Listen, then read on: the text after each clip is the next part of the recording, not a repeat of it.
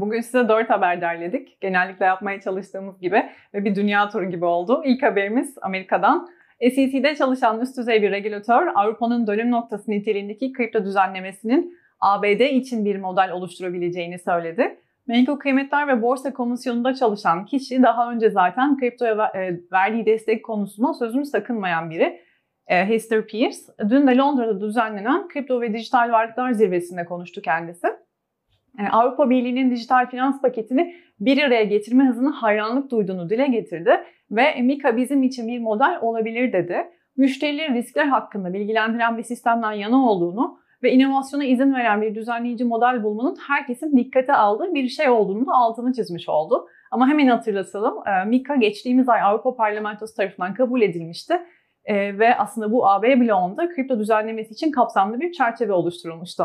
İkinci haberimiz Kenya'dan. Ee, Kenya hükümeti Afrika'da bir blockchain ve Web3 merkezi başlatmak için Abu Dhabi merkezi blok zinciri platformu olan Venom Foundation'la bir anlaşma imzaladı.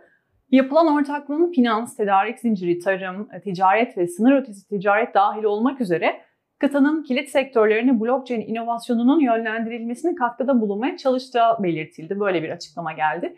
Planlanan blok zincir ve Web3 merkezi Afrika teknoloji şirketleri ve devlet kurumları için merkezi bir platform görevi görerek bilgi alışverişini ve paydaş işbirliğini teşvik edecek.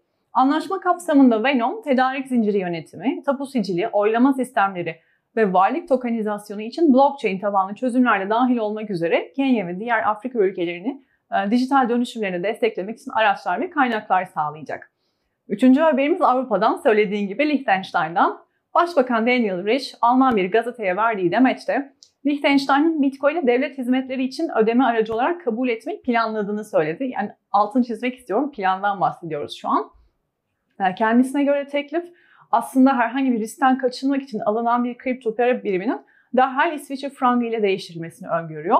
Hem başbakan ama kendisi aynı zamanda bu arada Maliye Bakanı olan Rich, frankın resmi para birimi olduğunu ve Bitcoin'e eşit statü verilmeyeceğini söyledi. Yani yasal para birimi olarak kabul edilmeyecek. Kendisi aynı zamanda genel bir piyasa değerlendirmesi de yaptı ve kripto paralar şu an hala çok riskli. Ancak bu değerlendirme değişebilir şeklinde bir yorumu oldu kendisinin. Son olarak güzel bir haberle bitirelim istedik. Barbie üreticisi Metal, kadınların liderliğindeki ve güç markası olan e, Bob, e, Boss Beatrice ile güçlerini birleştirerek popüler oyuncağın ilk kez piyasaya sürüldüğü 1959 yılından bu yana ikonik oyuncak figürünün yani Barbie'den bahsediyorum. Onun üstlendiği birçok kariyeri, iş kolunu yansıtan bir dizi on-chain sanal koleksiyon ürününü piyasaya sürdü.